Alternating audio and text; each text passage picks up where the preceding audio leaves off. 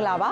VOA TV သတင်းစီစဉ်ကကြိုဆိုပါရစေ VOA TV စီစဉ်ကို American ပြည်ထောင်စု Washington DC မြို့တော်ကနေဓာတ်ရိုက်ထုတ်လွှင့်နေပါပြီရှင်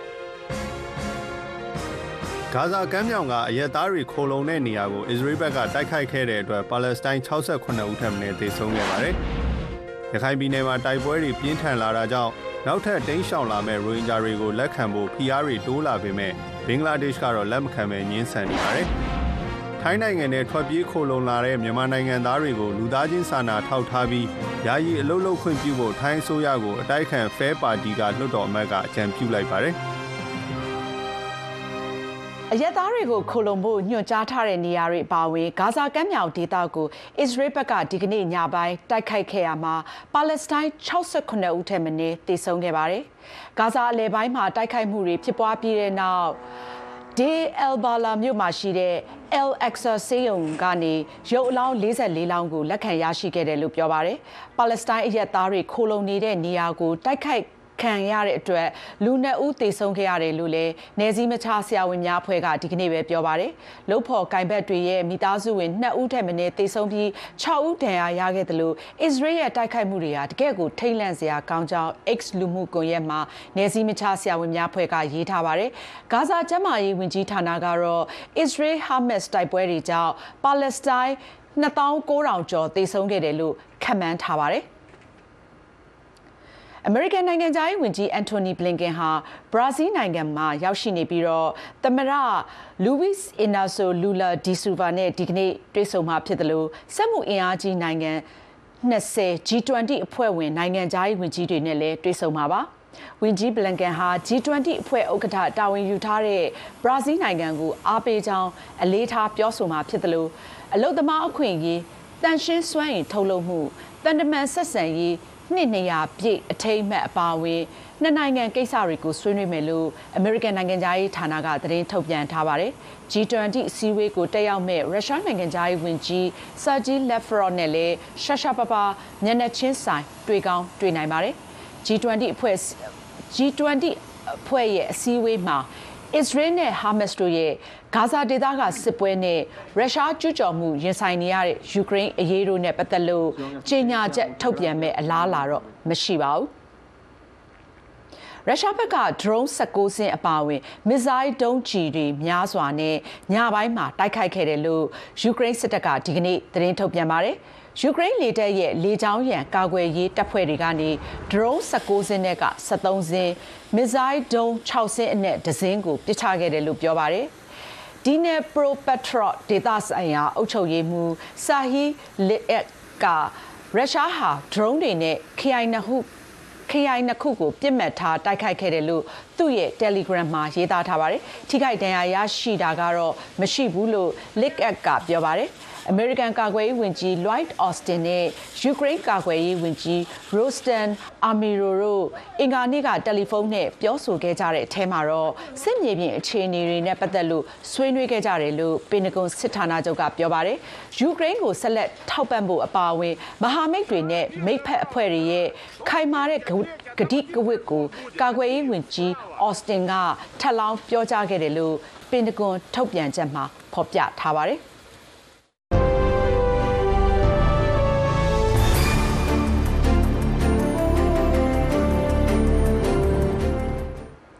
ရခိုင်ပြည်နယ်မှာတိုက်ပွဲတွေပြင်းထန်လာနေတာကြောင့်နောက်ထပ်တိမ်းရှောင်လာကြမဲ့ရိုဟင်ဂျာတွေကိုလက်ခံဖို့ဖိအားတွေတိုးလာနေပေမဲ့အိန္ဒိချင်းဘင်္ဂလားဒေ့ရှ်နိုင်ငံကတော့လက်မခံပဲညှင်းဆန်နေပါတယ်။စစ်ကောင်စီနဲ့ရခိုင်တပ်တော် AA တို့ကြားတိုက်ပွဲတွေကြောင့်နယ်စပ်မှာရောက်နေတဲ့ယာနဲ့ချီတဲ့ရိုဟင်ဂျာတွေကိုဘင်္ဂလားဒေ့ရှ်နိုင်ငံအနေနဲ့လက်ခံဖို့တိုက်တွန်းနေကြတာပါ။ ပဋိပက္ခတွေကြားကနေထွက်ပြေးလာကြတဲ့အမျိုးသမီးနဲ့ကလေးတွေအပါအဝင်အရက်သားတွေကိုဘေးကင်းလုံခြုံရမှာခိုလုံခွင့်ပေးဖို့အရေးကြီးကြောင်းဒုက္ခသည်များဆိုင်ရာကုလသမဂ္ဂမဟာမင်းကြီးယုံ UNHCR ရဲ့ ဘင်္ဂလားဒေ့ရှ်နိုင်ငံဆိုင်ရာပြောခွင့်ရမိုတာဖာမိုဟာမက်ဆာဇတ်ဟူဆန်ကိုကိုကာပြီးနီကေအေရှာသတင်းကဖော်ပြပါတယ်။လက်ခံဖို့ညှင်းဆန်မယ်ဆိုရင်ပိုပြီးအန်ဒီရများတယ်လို့လည်းသတိပေးထားတာပါ။ဒါပေမဲ့လည်းဘင်္ဂလားဒေ့ရှ်အစိုးရကတော့ရိုဟင်ဂျာဒုက္ခသည်တသန်းကျော်ကိုလက်ခံထားရတဲ့အတွက်နောက်ထပ်လက်မခံတော့ လက်မခံနိုင်တော့ကြောင်းပြောဆိုထားပါတယ်။ပြီးခဲ့တဲ့သတင်းပတ်ထဲကျင်းပတဲ့အစည်းအဝေးမှာ UNHCR ကမြန်မာနယ်စပ်နေရာ19ခုမှခိုလုံခွင့်ရဖို့စောင့်ဆိုင်းနေတဲ့ရိုဟင်ဂျာ900လောက်ကိုစာနာမှုနဲ့လက်ခံဖို့ပြောဆိုခဲ့ပေမဲ့ညင်းပယ်ခံခဲ့ရတယ်လို့လည်းသတင်းမှာဖော်ပြထားပါတယ်။ ထိုင်းနိုင်ငံထဲကိုထွက်ပြေးခိုလုံလာတဲ့မြန်မာနိုင်ငံသားတွေကိုလူသားချင်းစာနာထောက်ထားပြီးယာယီအလုတ်လုတ်ခွင့်ပြုဖို့ထိုင်းဆိုရကိုအတိုက်ခံ FAP Fair Party လွှတ်တော်အမတ်ကန်ဗီဆူဇန်ကအကြံပြုပြောဆိုပါရယ်နှစ်နိုင်ငံသဘောတူညီချက်အရထိုင်းနိုင်ငံကိုအလုသမားတွေဆေလွတ်တာ မြန်မာစစ်ကောင်စီကယာယီရက်ဆိုင်ထားတဲ့အကြောင်းနဲ့ဒီလိုရက်ဆိုင်ထားတာဟာမြန်မာနိုင်ငံရဲ့အခြေအနေနဲ့သက်ဆိုင်နေမဆိုင်ဘူးမသိရပေမဲ့နေရက်ပြန်ပို့ခံရမယ်မြန်မာအလုပ်သမားတွေအတွက်အကြီးအကျယ်စိုးရင်ရတဲ့အကြောင်းလွှတ်တော်အမတ်ကန်ဗီဆူဇန်ကပြောဆိုတာကိုဘန်ကောက်ပို့စ်သတင်းစာမှာရေးသားထားပါတယ်။ နှစ်နိုင်ငံနားလည်မှုသဘောတူစာချုပ်လွှာအရအရင်ကမြန်မာနိုင်ငံသားနေ့စဉ်900နဲ့800ကြားထိုင်းနိုင်ငံမှာအလုပ်လုပ်ဖို့ရောက်လာခဲ့တာကိုလည်းသူကပြောပါတယ်စစ်ကောင်စီထုတ်ပြန်တဲ့အရွယ်ရောက်သူတွေစစ်မှုမထမ်းမနေရအမိန့်ကြောင့်ထိုင်းနိုင်ငံထဲကိုမြန်မာနိုင်ငံသားတွေအများအပြားဝင်ရောက်ဖို့စ조사နေချိန်မှာထိုင်းအတိုက်ခံအမတ်ရဲ့ပြောဆိုချက်ထွက်ပေါ်လာတာပါ။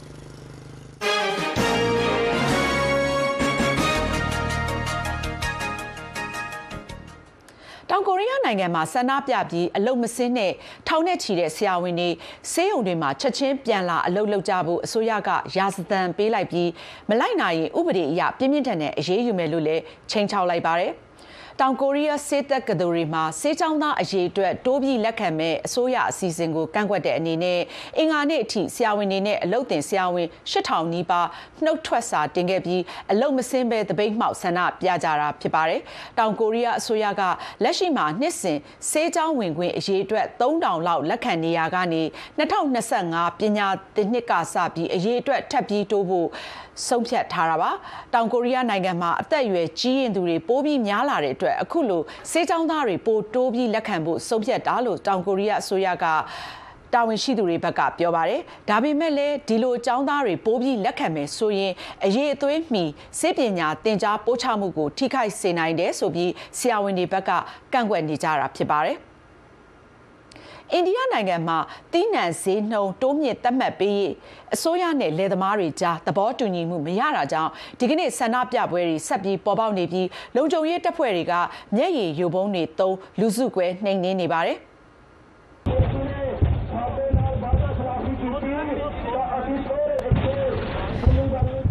ချီတဲ့လယ်သမားတွေမြို့တော်နယူးဒေလီကိုဆက်လက်ချီတက်ဖို့ဆုံးဖြတ်ပြီးဝင်ကြီးချုပ်နရိန်ဒရာမိုဒီအစိုးရရဲ့2021ခုနှစ်ကချခဲ့တဲ့လေယာစိုက်ပျိုးရေးပြုပြင်ပြောင်းလဲမဲ့အစီအစဉ်ကိုရုပ်သိမ်းပေးဖို့တောင်းဆိုနေကြတာပါ။စာဝင်နေရေးအာမခံချက်ရရှိဖို့နဲ့လေယာထွက်ကုန်တီးနှံတွေကိုအ ਨੇ ဆုံး9နှစ်တာအစိုးရဈေးနှုန်းသတ်မှတ်ပေးဖို့လယ်သမားတွေဘက်ကအဆိုပြုထားပါတယ်။ပြီးခဲ့တဲ့ရက်ပိုင်းကလယ်သမားသမဂ္ဂနဲ့အစိုးရတာဝန်ရှိသူတွေတွဲဆုံညှိနှိုင်းခဲ့ပြီးချီတက်ဆန္ဒပြသူတွေမြို့တော်နယူးဒေလီနဲ့125မိုင်အကွာပန်ချက်ဟာရီယာနာနယ်မှာရက်တန့်ခဲ့ပါတယ်။သဘောတူညီမှုမရပေမဲ့လည်းအိန္ဒိယဆိုရကတော့ဆွေးနွေးပွဲတွေဆက်ပြီးကျင်းပဖို့ဖြည့်ရှင်းဖို့လယ်သမားတွေကိုတိုက်တွန်းနေပါတယ်။ပြီးခဲ့တဲ့ဖေဖော်ဝါရီလ10ရက်နေ့ပါကစ္စတန်နိုင်ငံမှာကျင်းပတဲ့ရွေးကောက်ပွဲမှာ မဲမတမာမှုနဲ့မဲရလက်တွေကိုလိန်ညာခဲ့တယ်ဆိုတဲ့ဆွဆွဲချက်တွေကြဲကြဲပြန့်ပြန့်ထွက်ပေါ်နေပြီးမနေ့ကစင်းပြည်နယ်ထဲမှာလူတွေထောင်ချီစုဝေးဆန္ဒပြခဲ့ကြပါတယ်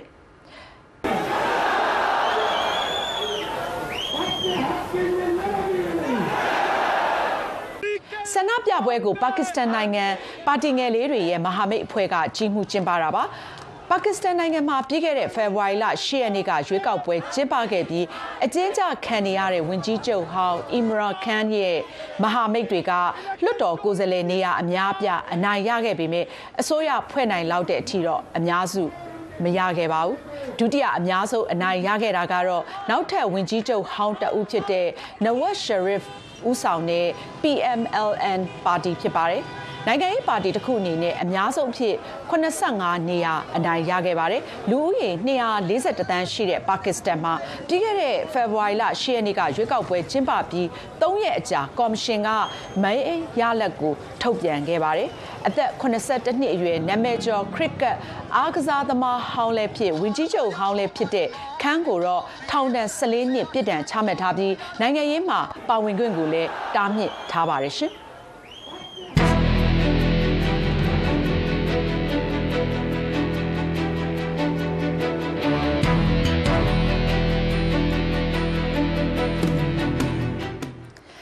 စစ်ကောင်စီကအတီးပြုတ်လိုက်တဲ့ပြည်သူစစ်မှုထမ်းဥပဒေဟာလူငယ်တွေအနာဂတ်နဲ့ပတ်သက်လို့ဘယ်လောက်ထိအာမခံချက်ရှိနိုင်မလဲဆိုပြီးပြည်ပရောက်လူငယ်တွေကမေးခွန်းထုတ်လိုက်ပါတယ်စစ်မှုထမ်းရမယ့်အချိန်မှာလူသားတိုင်းဖြစ်အတုံးချခံရနိုင်မလားပြည်ပအလုတ်လုတ်ကင်စွန့်ပြီးတော့စစ်မှုထမ်းရမယ့်သူတွေအနေနဲ့ လောက်တဲ့အလိုက်ခန်းစား권နစ်နာမှုတွေအပြင်မူလအလုပ်ကိုပြန်ရရှိဖို့လဲမဖြစ်နိုင်တော့တဲ့အခြေအနေတွေကိုသူတို့ကထောက်ပြပြောဆိုထားပါတယ်စစ်မှုထမ်းဥပဒေနဲ့ပတ်သက်လို့ပြည်ပနိုင်ငံတွေရောက်လူငယ်တွေရဲ့သဘောထားတွေကိုသိရဖို့ကိုအောင်ကထိုင်းနိုင်ငံဘန်ကောက်ကနေတင်ပြထားပါတယ်ရှင်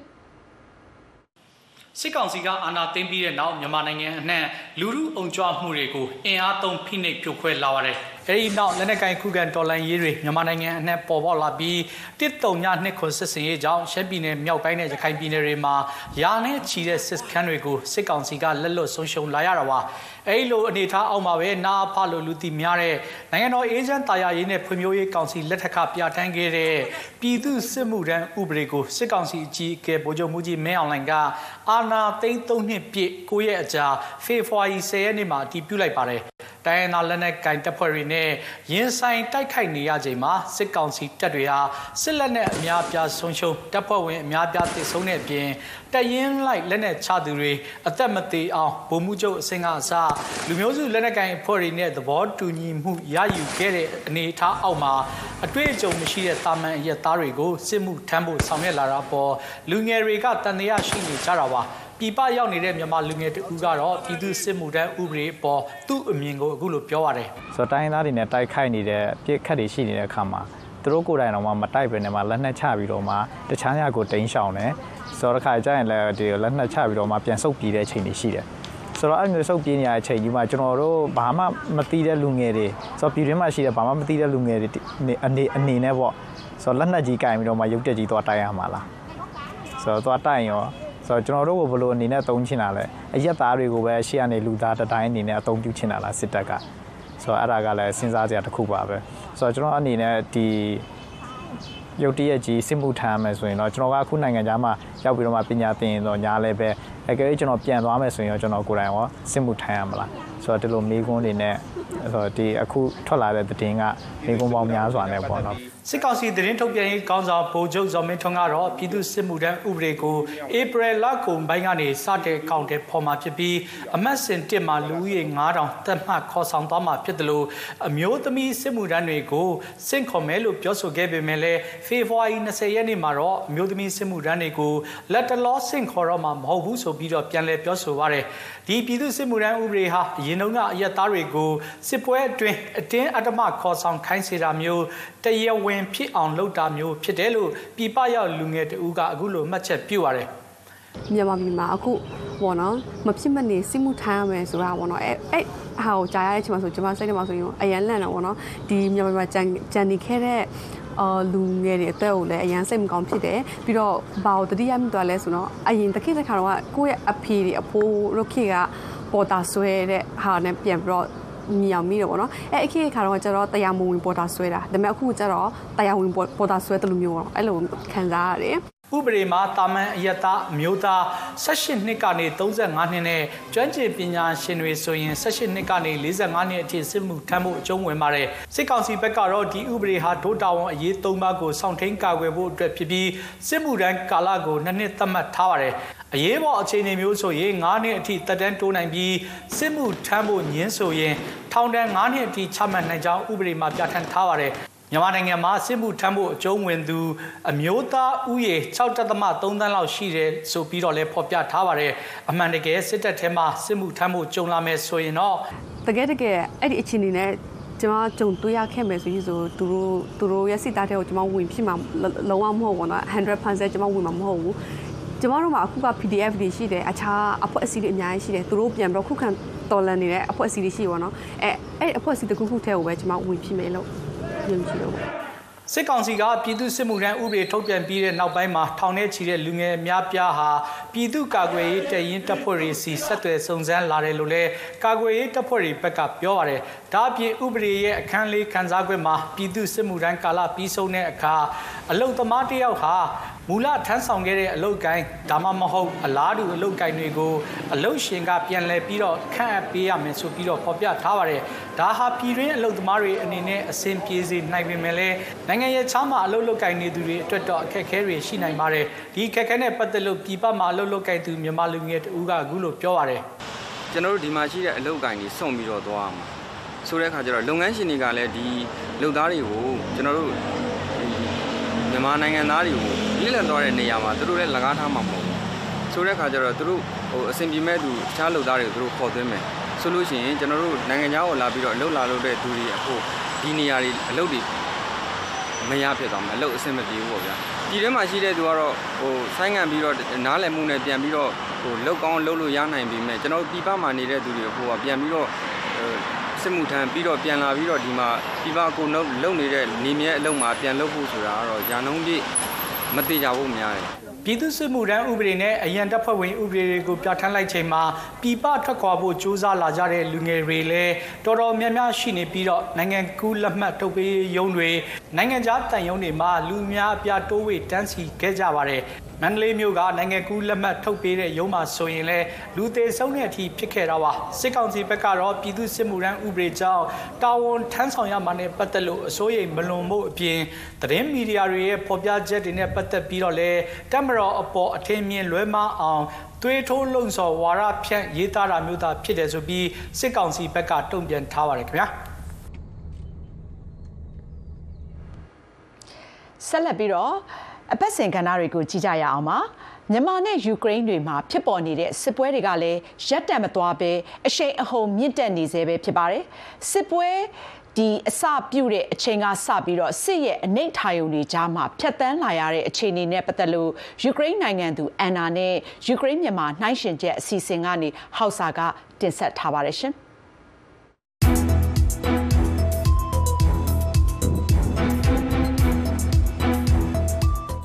ကဘာသဝမ်းမှာစစ်ပွဲတွေတပြည့်ပြည့်နဲ့ပြန်ကျဲလို့နေပါတယ်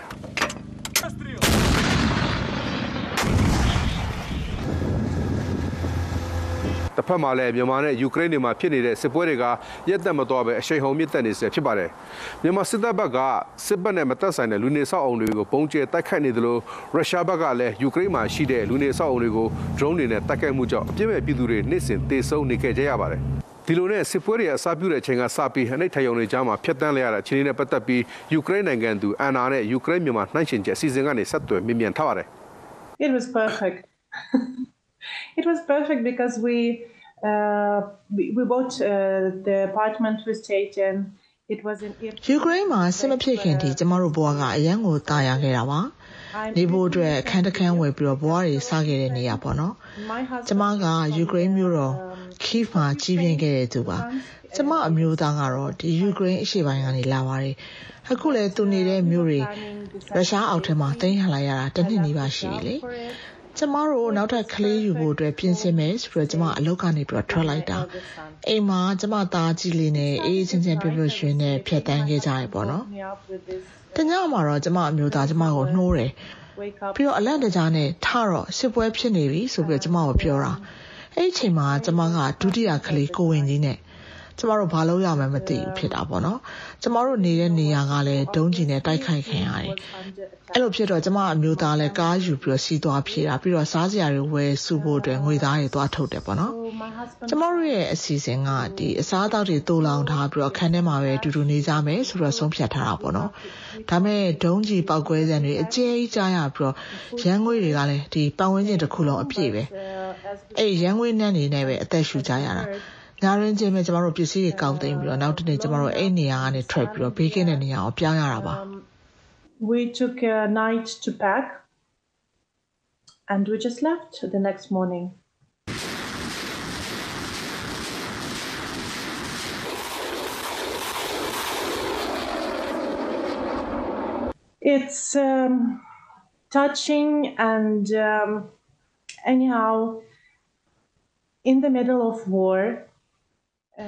တိုက်ပွဲတွေဖြစ်တဲ့အချိန်မှာပဲကျမသားငယ်လေးကိုမွေးခဲ့တယ်လေအရန်ကိုခဲခဲမွေးခဲ့ရတာဒါပေမဲ့ကျမရဲ့သားလေးမွေးဖွားလာနိုင်လို့တော့ဒါတကယ်ကိုကံကောင်းတယ်လို့ပြောရမယ်ကျမကလေးမွေးတော့ကအရန်ရွေးချယ်ရခက်ပါတယ်အခု လက်ရှိနေနေတဲ့ယူကရိန်းနောက်ဖက်ခြမ်းမှာမွေးမလားကျမရဲ့မူရင်းခိမြို့ဘယ်မြို့မှာမွေးရမလဲဆိုတာကိုရွေးရတာခက်ခဲတာရှင်နှစ်နေရာစလုံးကတိုက်ခိုက်ခံထားရတော့အရန်ကိုသွားရလာရလည်းခက်ခဲပါတယ်နောက်ဆုံးကျမဒီကြီးပြင်းခဲ့တဲ့ခိမြို့မှာပဲသားလေးကိုမွေးမယ်ပေါ့နော်အဲ့မှာအောင်မြင်နဲ့မွေးနိုင်ခဲ့ပါတယ်ဘာလို့ဒီခိမြို့ကိုရွေးချယ်ရလဲဆိုတော့တကယ်လို့ကျမတခုခုဖြစ်ခင်ဒီမြို့မှာအကူအညီအများဆုံးရောက်နိုင်တဲ့နေရာဆိုပြီးတော့ခိမြို့ကိုပဲရွေးခဲ့တာပါ the biggest loss is to see my uh, scrolling my Facebook. ဒီစစ်ပွဲဆောင်ဆုံးရှုံးမှုတွေပါတယ်ရှိလဲလို့ပြောရမယ်ဆိုတော့ကျမရဲ့ Facebook စာမျက်နှာကိုဖွင့်ပြီးတော့ကြည့်လိုက်ပြီဆိုရင်ဒီအမြဲတမ်းတွေ့ရတာကကိုချစ်ခဲ့တဲ့သူတွေခင်မင်းရင်းနှီးခဲ့ရတဲ့သူတွေစစ်ပွဲတွေကြောင့်ဘဝတွေပြတ်နေရတဲ့အခြေအနေကိုမြင်ရတာပါကျမလုံးဝမခံစားနိုင်ပါဘူးပြီးတော့ကျမနဲ့ရင်းနှီးတဲ့သပင်အလှပြင်ပြီးတဲ့အမဆိုရင် ဒီဘုံနံကနေပြီးတော့လွတ်တဲ့နေရာထွက်ပြေးနေသူ့ရဲ့သမီးလေးနဲ့လက်ချင်းချိတ်ရဲ့သားနဲ့ဆုံးသွားတာကိုမြင်ရတာကျမအယမ်းအောင်ခံစားရပါတယ်ရှင် Of course I'm hoping this will start will, this will stop soon but I I'm really ဒီစစ်ပွဲမကြခင်ပြီးဆုံးသွားမယ်လို့ကျမမျှော်လင့်မိပါတယ်ဒါမဲ့လည်းဒီစစ်ပွဲအချိန်တူတူအတွင်းမှာရက်မသွားဘူးဆိုတာလည်းကျမသိရလေ။ဘာလို့လဲဆိုတော့ရုရှားကကျမတို့နိုင်ငံကိုဖျက်ဆီးနေတာပဲနှစ်ပေါင်း30ကျော်နေပြီ။ ကျမတို့မှာရွေးချယ်စရာမရှိပါဘူး။စစ်ပွဲကအချိန်တူအတွင်းအများဆုံးရပ်တန့်သွားမှာမဟုတ်လို့ကျမတို့ဘက်ကလည်းကြမ်းကြမ်းခံနိုင်ဖို့လိုအပ်ပါတယ်။စိတ်သက်ခိုင်ခိုင်မာမာနဲ့လှုပ်ရှားရှိတာကိုဆက်ပြီးတော့လှုပ်သွားရမှာပါ။အနာဂတ်အတွက်စဉ်းစားရမယ်ဆိုရင်ကျမကလေးတွေပေါ့နော်သူတို့ယူကရိန်းထဲမှာပဲဆက်နေခြင်းလားဒီမှာပဲနေဖို့ဆက်ပြီးဆုံးဖြတ်ချက်ချခြင်းလားဆိုတဲ့ပုံမှာပဲမူတည်ပါတယ်ဖြစ်နိုင်တော့ဒီနိုင်ငံထဲမှာပဲအေးအတူပူများနဲ့အတူတကွနေခြင်းတာပါ တစ်ဖက်မှာစဉ်းစားကြည့်တော့လေရေရှည်အတွက်စဉ်းစားလိုက်ရင်အရန်ကိုစိတ်ရှုပ်မိတယ်ရှင်အခုလက်ရှိဖြစ်နေတဲ့အခြေအနေလက်ရှိဘဝမှာအတိပ္ပယ်ရှိရှိနဲ့သူတို့ကိုပဲမြင်မြင်ဆင်ဆင်ကြီးသွားစေချင်တာပါဘာဖြစ်လဲဆိုရင်လူဘောကအရန်ကိုတူတောင်းပါတယ်ရှေ့ဆက်ပြီးတော့ဘာဖြစ်ကြမလဲဆိုတာလည်းဘယ်သူမှမသိနိုင်ဘူးလေ စစ်ပွဲတွေကြားမှာဒုက္ခပေါင်းများစွာနဲ့ဖျက်ဆီးခဲ့ရတဲ့ယူကရိန်းနိုင်ငံသူအန်နာနဲ့ဆက်သွယ်မြင်မြန်ထားတာပဲဖြစ်ပါတယ်။နောက်တစ်ပတ်မှာလည်း TCC မှာဘယ်သူတွေပါဝင်ဆွေးနွေးကြမလဲဆိုတာကိုစောင့်မျှော်ကြည့်ရှုပေးကြပါခင်ဗျာ။ကျွန်တော်ဟောင်းစားပါအမေရိကန်ပြည်ထောင်စုကနေတင်ဆက်ပေးခဲ့တာပါ။ VOA မြန်မာပိုင်းအစီအစဉ်ရဲ့ရေဒီယိုနဲ့ရုပ်မြင်သံကြားထုတ်လွှင့်ချက်တွေကိုအချိန်မရွေးကြည့်ရှုနားဆင်နိုင်မှု VOA Mobile App အသစ်ကို smartphone တွေမှာ download ယူနိုင်ပါပြီ။ Android ဖုန်းတွေအတွက်ဆိုရင် Google Play နဲ့ iPhone တွေအတွက် Apple App Store တွေမှာ VOA Bambi ဆိုတဲ့ app ကို download လုပ်နိုင်ပါတယ်။ VOA မြန်မာဌာနဆိုတဲ့ logo နဲ့ဖြစ်လို့ရှာဖွေရတာလွယ်ကူပါတယ်။ဒီ application ကနေပြီးတော့ VOA အစီအစဉ်တွေကိုတိုက်ရိုက်နားဆင်ကြည့်ရှုနိုင်တဲ့အပြင်ကိုနှစ်သက်ရာအချိန်တိုင်းမှာလည်းသတင်းဆောင်မတွေအပတ်စဉ်ကဏ္ဍတွေကိုတွားပြီးတော့နားဆင်ဖတ်ရှုနိုင်ပါတယ်ရှင်။ 22ကြိမ်မြောက်ကမ္ဘာရေကူးပြိုင်ပွဲကိုကာတာနိုင်ငံဒိုဟာမြို့မှာကျင်းပခဲ့ကြပြီးနိုင်ငံတကာရေကူးချန်ပီယံတွေအကျိတ်အနယ်ရှင်ပြိုင်ခဲ့ကြပါတယ်။ American ကကမ္ဘာကျော်ဂေါက်သီးချန်ပီယံ Tiger Woods ဟာပြီးခဲ့တဲ့တစ်ပတ်ကကျင်းပတဲ့ Genesis ကောက်တီးပြိုင်ပွဲကနေဆက်မကစားပဲဘာကြောင့်ထွက်လိုက်တာပါလဲဒီလိုတပတ်အတွင်းအားကစားသတင်းတွေကိုကိုရန်နိုင်ကတင်ဆက်ပေးမှာဖြစ်ပါတယ်ရှင်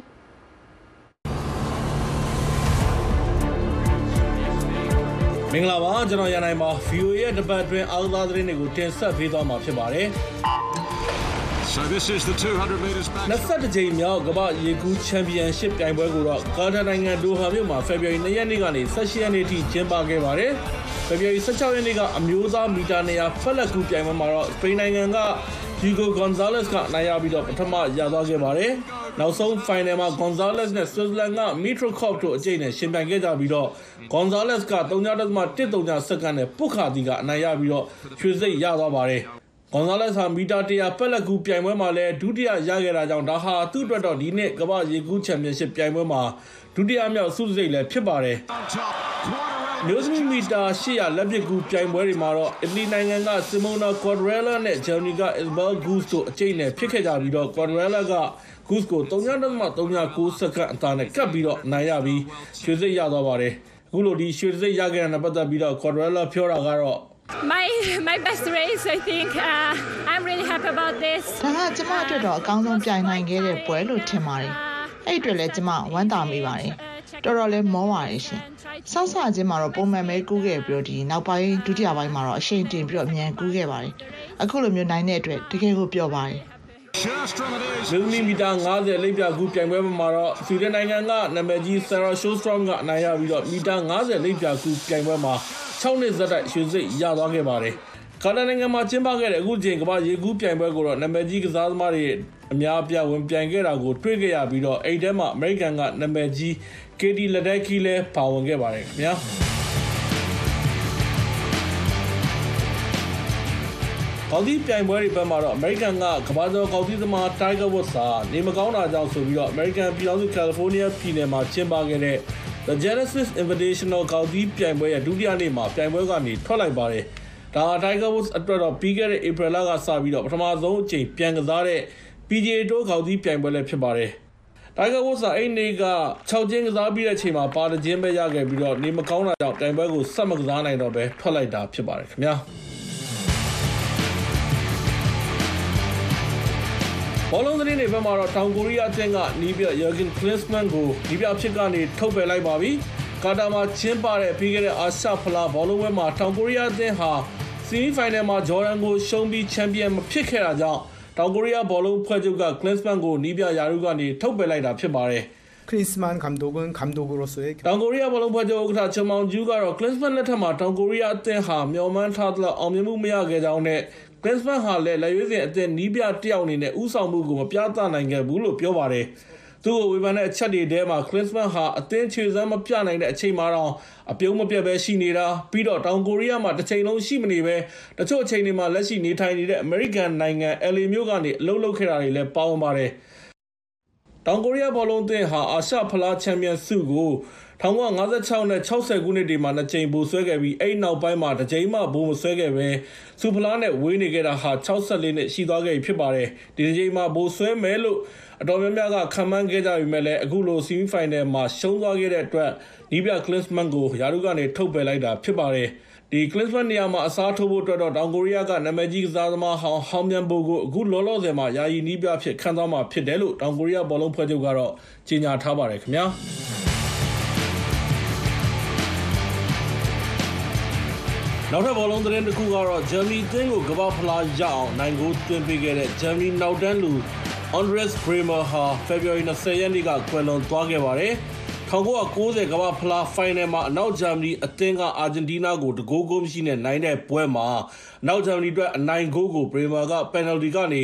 သွင်းပေးခဲ့တာပါ။ Andres Bremer ဟာအင်္ဂါနေ့ညကအသက်63နှစ်အရွယ်မှာရုတ်တရက်နှလုံးရက်ပြီးတော့ကွယ်လွန်သွားခဲ့တာဖြစ်တယ်လို့ပြောပါတယ်။ ဂျာမနီရဲ့ဘယ်နောက်ခံလူဖြစ်တဲ့ Bremer ဟာ ဘယ်ချီရော ညာချီနှစ်ဖက်စလုံးတန်သူဖြစ်ပြီးတော့ free kick ကန်ကောင်းတဲ့သူလည်းဖြစ်ပါတယ်ဖိနှိုင်ငံမှာကျင်းပခဲ့တဲ့စပီးမာသွန်ပြိုင်ပွဲမှာတော့အီသီယိုးပီးယားနိုင်ငံသားတွေအောင်ပွဲခံသွားခဲ့ကြပါတယ်။စပီးမာသွန်ပြိုင်ပွဲကိုပြီးခဲ့တဲ့ February 18ရက်နေ့ကကျင်းပခဲ့ပြီးတော့ပြိုင်ပွဲမစခင်မှာတော့ February 17ရက်နေ့က ကွယ်လွန်သွားခဲ့တဲ့မာရသွန်ပြိုင်ပွဲတွေရဲ့ဒီကမ္ဘာစံချိန်ရှင်ကန်ညာနိုင်ငံသား Kevin Kipton ကိုလည်းအမတ်တရဂုဏ်ပြုခဲ့ကြပါတယ်။ဒီနေ့ Seville Marathon ပြိုင်ပွဲရဲ့အမျိုးသားပြိုင်ပွဲဘက်မှာတော့အီသီယိုးပီးယားနိုင်ငံက Darassa Jaleta က